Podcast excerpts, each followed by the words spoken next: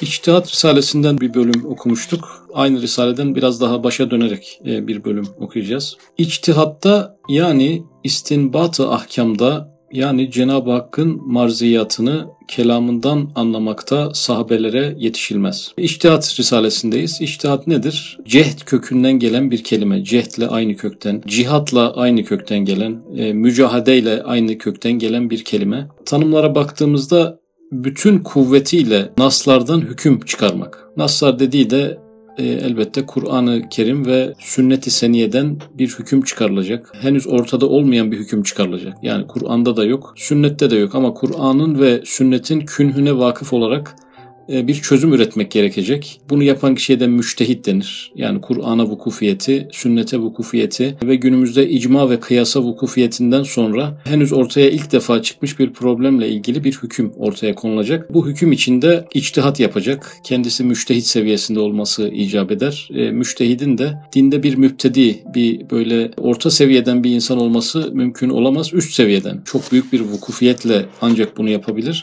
E, ve bunu da bütün kuvvetiyle, bütün enerjisini, bütün zihinsel ve kalbi, bütün e, eforunu aynı meseleye odaklayarak bir hüküm çıkarıyor ve bu hüküm bütün kuvvetini vermesine rağmen bir dakikada, sekiz dakikada, üç saatte çıkmıyor. Bazen üç yılda çıkarabiliyor bir hükmü. Dolayısıyla büyük bir mücahede, büyük bir cehd isteyen bir mesele olması hasebiyle her zaman ihtiyaç e, olmuş ve bir hadis-i şerifte her yüz yılda bir müçtehit, bir müceddit gelir. Tabii o müceddidin de müçtehit olması icap eder ki e, yeni problemlere karşı e, çözümler üretebilsin. İçtihatta yani istinbatı ahkamda Cenab-ı Hakk'ın marziyatını kelamından anlamakta sahabelere yetişilmez. E, Cenab-ı Hakk'ın bir kelamı var önümüzde duruyor. Oradan bir takım hükümler çıkarılacak.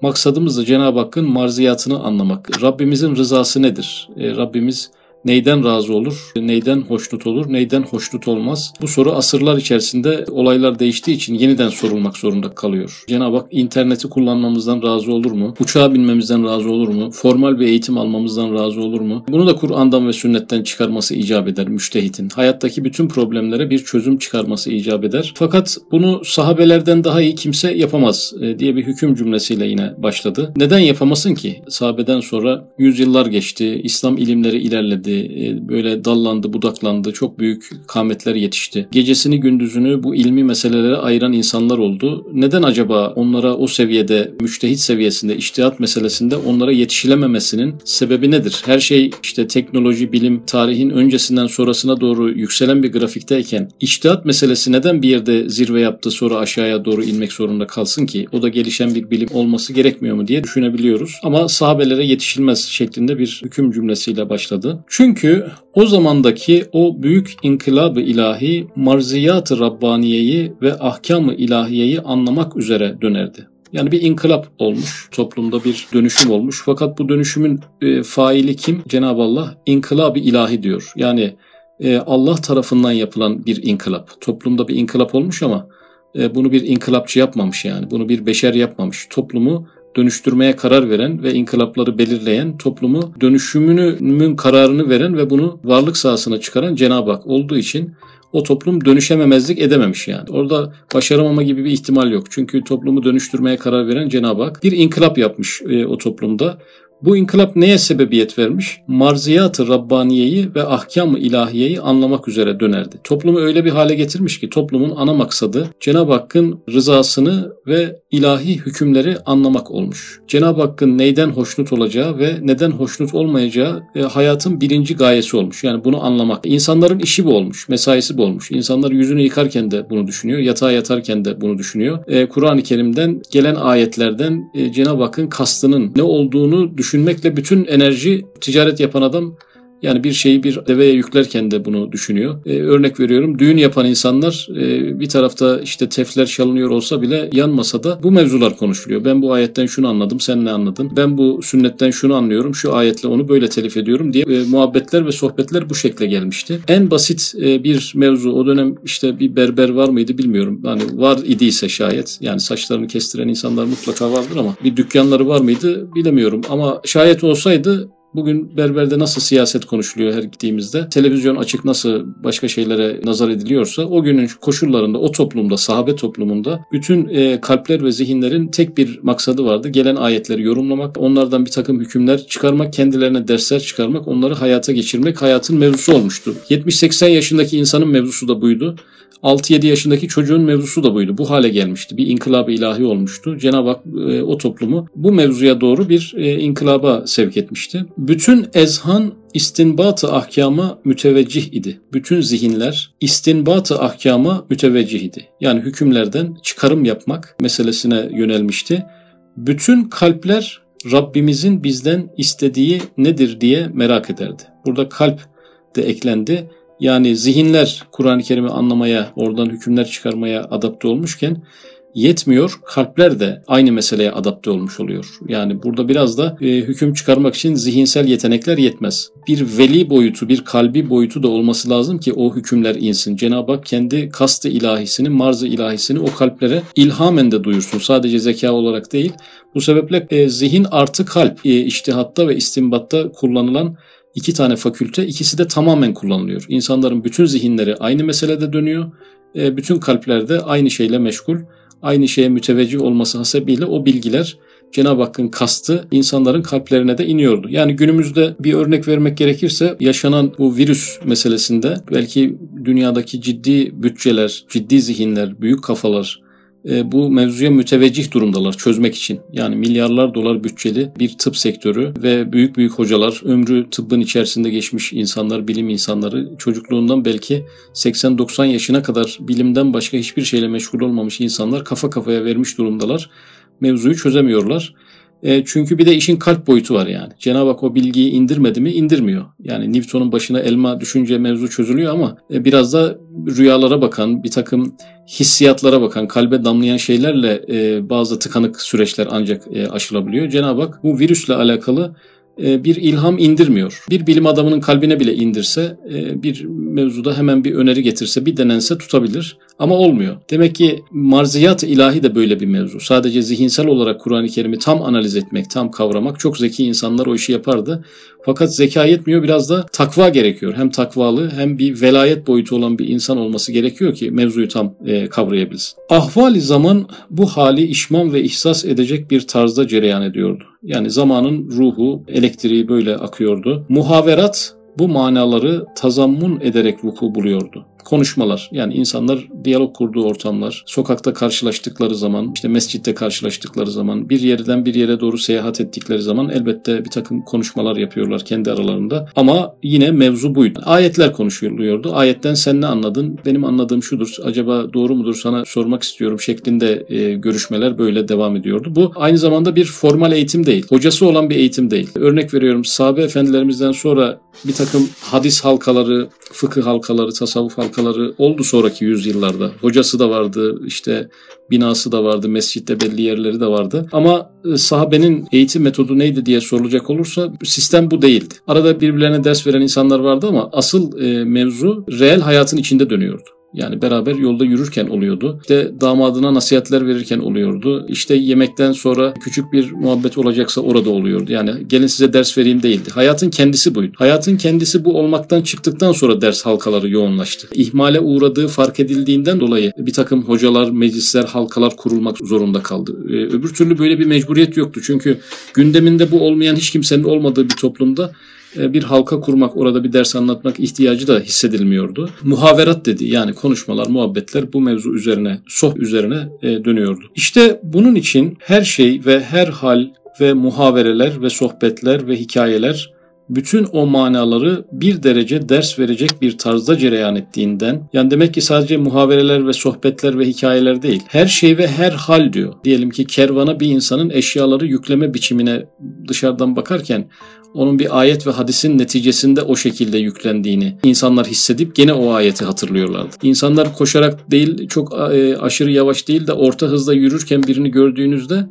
hemen akla geliyordu Efendimiz Aleyhisselatü Vesselam böyle yürüdüğü için bu insanlar böyle yürüyor. Yani sadece konuşmalar değil, insanların hal ve hareketleri. Yani birisi diyelim kısa bir hutbe verdiği zaman, uzun vermediği zaman insanlar hemen algılıyorlardı. Efendimiz Aleyhisselatü Vesselam'ın e, hutbeleri kısa ve çok açık e, bir dilleydi. Oradan dolayı bu hutbe böyle yapılıyor. Dolayısıyla e, konuşmaların içeriklerinden ziyade hayatın biçimi de hemen bir ayeti, bir hadisi çağrıştırıyordu. Sahabenin istidadını tekmil ve fikirlerini tenvir ettiğinden içtihat ve istimbatta istidadı kibrit derecesinde nurlanmaya hazır olduğundan bir günde veya bir ayda kazandığı mertebeyi istimbat ve içtihadı o sahabenin dereceyi zekavetinde ve istidadında olan bir adam şu zamanda 10 senede belki 100 senede kazanamayacaktır. E, o ortam yani az önce bahsettiği çerçevedeki ortam sahabenin istidadını tekmil. Yani zaten ilme bir istidadı varsa tekmil yani kemale erdirme. Ortam onu kemale erdiriyordu. İkincisi fikirlerini tenvir. Zaten aydınlık fikirleri vardı fakat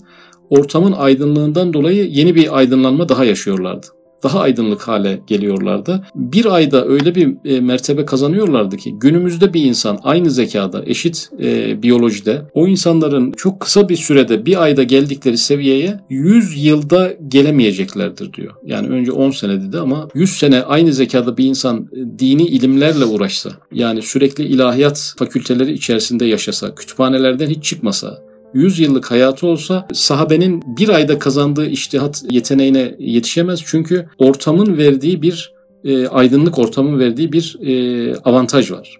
E, ve bu kişi tabii çocukluğunda bu ortamla e, tanışmışsa bir de bazı sanatlar vardır yani enstrüman çalmak. 12-13 yaşında gidersiniz işte ya senin parmakların artık kireçlenmiş çok geç. Yani futbola birini diyelim 16-17 yaşında başlatırsanız gelir top oynar da bu çocuktan bir şey beklemeyin derler. Bu 7 yaşında 8 yaşında gelecek çocuğu 15 yaşında getirmişsiniz. Bu adam yaş futbola başlangıç yapmak için derler. Sahabe efendilerimiz de menzile ilk başladıkları anda öyle bir ortamın içinde doğuyorlar ki yani dinden başka bir şey zaten gözleri görmüyor. Gözlerini başka bir şeye açmamışlar. Bu sebeple içlerinde de bir potansiyel varsa hızlıca en zirve noktaya doğru bir ayda bazen inkişaf edebiliyorlardı. Aynı seviyeye 100 yılda gelinemez diyor günümüzde. Günümüzdeki ortamın dezavantajından dolayı. Yani daha daha doğrusu o ortamın günümüzde olmayışından dolayı. Olmayışı hadi neyse bir de dezavantajlı oluşu. Günümüzdeki dezavantajları şimdi saymaya başlayacak. Çünkü şimdi saadeti ebediyeye bedel, saadeti dünyeviye medarı nazardır. Günümüzde ahiret mutluluğundansa dünya mutluluğu insanların önemsediği meseledir. Buna tabi hocalar ve ilahiyatçılar ve din üzerinde içtihat ve istimbat yapan insanlar da dahil olmak üzere kalpler birbirleriyle omuza veremedikleri için ahiret duygusu kalplerde kökleşmiş değildir.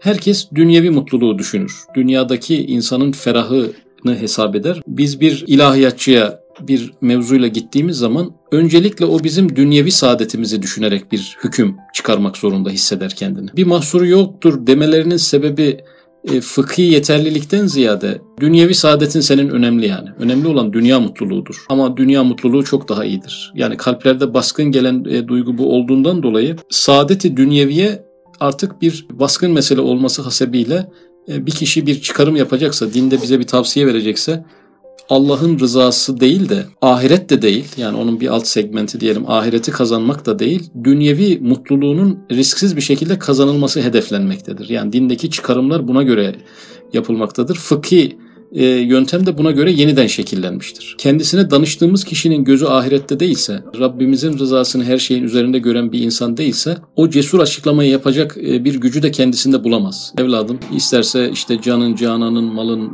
her şey gidebilir. Dünya hasareti önemli değil, ahiret hasareti olmasın. Önemli olan odur diyebilecek e, insan sayısı gitgide azalır böyle dönemlerde. İçtihadın arzi ve semavi oluşu İçtihat Risalesi'nde işleniyordu. Günümüzün içtihadı arzidir diyor. Yeryüzüyle alakalıdır. Yer yeryüzünün problemlerini çözmeye yöneliktir. E, semavi değildir. Yani Cenab-ı Hakk'ın rızasına odaklanmış bir iştihat e, olmadığı sebebiyle iştihat kapısı kapalıdır diyordu iştihat risalesinde. Günümüzde bir e, iştihat yapılacak olursa e, saadeti dünyeviyeye medarı nazar olması dolayısıyla samimi bir, ihlaslı bir iştihat olmayacaktır. Beşerin nazarı dikkati başka maksatlara müteveccihtir. Sahabe devrindeki bir maksat var ahireti kazanmak. Günümüzde ise birçok maksat var. Yani kariyer yapmak, zengin olmak, şanlı şöhretli olmak, duyulmak, bilinmek bir sürü insanın maksadı olması hasebiyle bugünkü insanlar içtihat e, seviyesine çıkamazlar. Müştehit seviyesine e, sürekli dini kitap okuyarak da çıkamazlar. Hayatı ilahiyat meselelerinde geçse de çıkamazlar. Neden? Çünkü beşerin nazarı başka maksatlara müteveccihken yani ortam böyleyken kendisinin nazarının ahirete kalbinin dönük olması biraz garip geliyor insana. Bu ortamdan bu ürün nasıl çıkar? Allah'ın lütfudur. Özel insanlar seçerek e, belki belli seviyeye getirilmiş olabilir ama genelde ortam neyse onun verdiği deformasyon herkesi etkiler. İştihat yapan insanlar da dahil olmak üzere. Tevekkülsüzlük içinde derdi maişet, ruha sersemlik ve felsefeyi tabiiye ve maddiye akla körlük verdiğinden beşerin muhiti içtimaisi o şahsın zihnine ve istidadına iştihat hususunda kuvvet vermediği gibi teşettüt ediyor, dağıtıyor. Tamam sahabe efendilerimizin ortamı gibi bir ortam madem yok, insanlar potansiyellerini hızlı bir şekilde daha çocukluk çağında inkişafa başlatamıyorlar ayrı bir konu. Fakat bir de zihni dağıtan, teşettüt eden meseleler var ki bunların başında tevekkülsüzlük içinde derdi maişet. Yani insanların bir geçim meseleleri var. Hayatta kalma. Hayatta kalma şu an bir iş olmuş. Hayatta kalmayı becerebilme bir mesele olmuş. Gemiyi yürütmek, bu ayı çıkarmak, önümüzdeki yılı çıkarmak bir mevzu olmuş. Çünkü ihtiyaçlar arttığı için yani bir evde 5 kişi varsa 5 tane telefon var demektir. 5 tane de fatura var demek. Bu telefonlar da birkaç yılda bir değişiyor haliyle. E, o faturalarla da kalmıyor. İşte kullanılacak interneti var, e, başka meseleleri var. Dolayısıyla belki herkesin 5-10 türlü faturası var. Telefon faturası sadece bunlardan birisi. İnsanların yaşamda kalmasını bir mesele haline getirdiğinizde buna biz derdi maişet diyoruz. İkincisi nasıl bir derdi maişet bu? Tevekkülsüzlük içinde. Bir tevekkül olsa bu kadar derdi maişeti de sinesine çeker. Ama bir de tevekkülsüzlük. Yani Allah'a da sırtını tam dayayamamış, e, inançlarının zayıflığından dolayı tevekkeltu alallah diyememiş bir insan bir de geçim sıkıntılarına gark olduğu zaman ruha sersemlik verir diyor. Bu sersem ruhla Kur'an'daki bir ayeti nasıl anlayacak? Ki beklediğimiz şey bir ayetin anlaşılması değil. Bütün ayetlerin aynı anda e, insanın zihninde olması sonra bir ayetten hüküm çıkarmak. Yani müştehidin yaptığı bu. Kur'an'ın tamamı aynı anda kafada ondan sonra bir ayetten doğru manayı çıkarıyor. Ki bu da yetmiyor Sünnetin hemen hemen hepsi kafada. Oradan bir ayeti ona göre bütün sünnete muhalif olmasın. Herhangi bir ayete de muhalif olmasın diye bir ayete mana verecek. Bu çok yüksek bir konsantrasyon gerektirir. Bunun için bir insanın takvası, işte helal yeme felsefesi, harama nazar etmemesi, gerçekten kendi ilminde de çok çaba sarf etmiş olması yetmez. Toplumun ahlakının, e, etraftaki zeminin buna müsait olması gerekir. Fakat hepsi yerli yerinde bile olsa şayet derdi maişet bir ruha sersemlik e, mevzusu söz konusuysa yine o doğru konsantrasyonla o ahkamı oradan çıkartması mümkün olmayacaktır. E, kendi dertleri var iştihat yapan kişinin. İşte çocukları var. Onları nasıl evlendirecek, nasıl işe sokacak, yetiştirecek bir onların meseleleri var. Torunları var. Onlarla alakalı kaygılar var. Yani dünyevi kaygıların etrafını sarıp sarmaladığı bir insandan zihni fakültelerini yeterince çalıştırıp bütün Kur'an ve sünneti baz alarak bir hüküm ortaya koyması elbette hayal olur. Yani bu ruh sersemliğiyle doğru cümleler kurması mümkün olmaz. Ve felsefeyi tabiye ve maddiye akla körlük verdiğinden. Günümüzün bilim felsefesini e, ele almak gerekir. Bilimin temel prensipleri vardır. Bunlardan biri de nedensellik ilkesidir. Sebepler sonuçları doğurur. Bilimdeki bu ilke tevhidin tam da tersidir. Sebepler ayrıdır, neticeler ayrıdır. Cenab-ı Hak dilediği sebebi dilediği neticeye bağlar. Bu da tevhidin kuralıdır.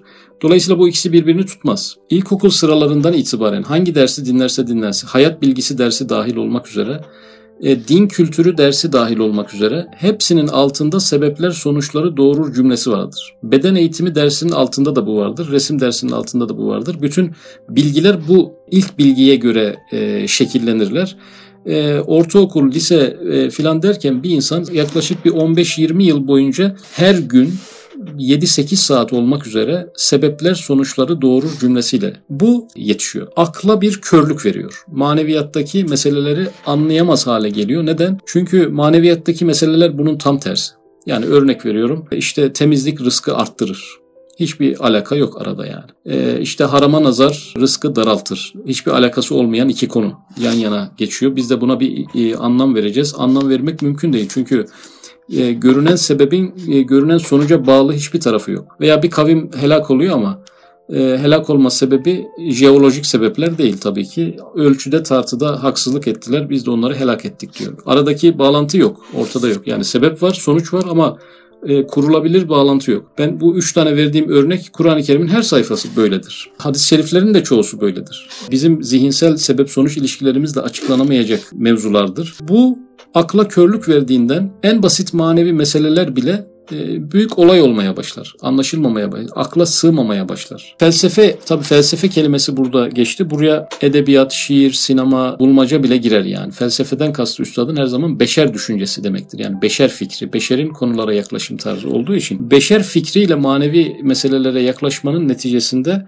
e, yine akla bir körlük gelir. Manevi konularda akla bir körlük gelir. Dolayısıyla ne olur bu ruhun sersemliği ve aklın körlüğü sonrasında beşerin muhiti içtimaisi o şahsın zihnine ve istidadına iştihat hususunda kuvvet vermediği gibi teşettüt veriyor, dağıtıyor. Bir ayeti incelemeye alacak günümüzde bir problem çözmek istiyor. Diyelim ki Kur'an'dan, hadislerden bir çıkarım yapacak, e, icma ve kıyasları kontrol edecek bir hüküm çıkaracağı anda muhitin verdiği zihin dağınıklığı sebebiyle manevi yeteneğini tamamen kaybediyor. Adeta bir bilim adamı gibi mevzuya bakmak zorunda hissediyor. Oradan sonra çıkardığı hüküm de e, semavi bir hüküm değil arzi bir hüküm oluyor. E, insanların dünyevi gidişatına bir zarar gelmesin de ahiretle alakalı e, gelebilecek zararlar çok önemli değil diyerek ilerleyen bir e, sistemle karşı karşıya kalıyoruz. 27. sözün içtihat bahsinde Süfyan İbni Uyeyne ile onun zekaveti derecesinde birinin muazenesinde ispat etmişiz ki Süfyan'ın 10 senede kazandığını öteki 100 senede kazanamıyor. Bu insanlar 5 yaşında Kur'an hafızı olarak başlıyorlar. Etrafındaki ki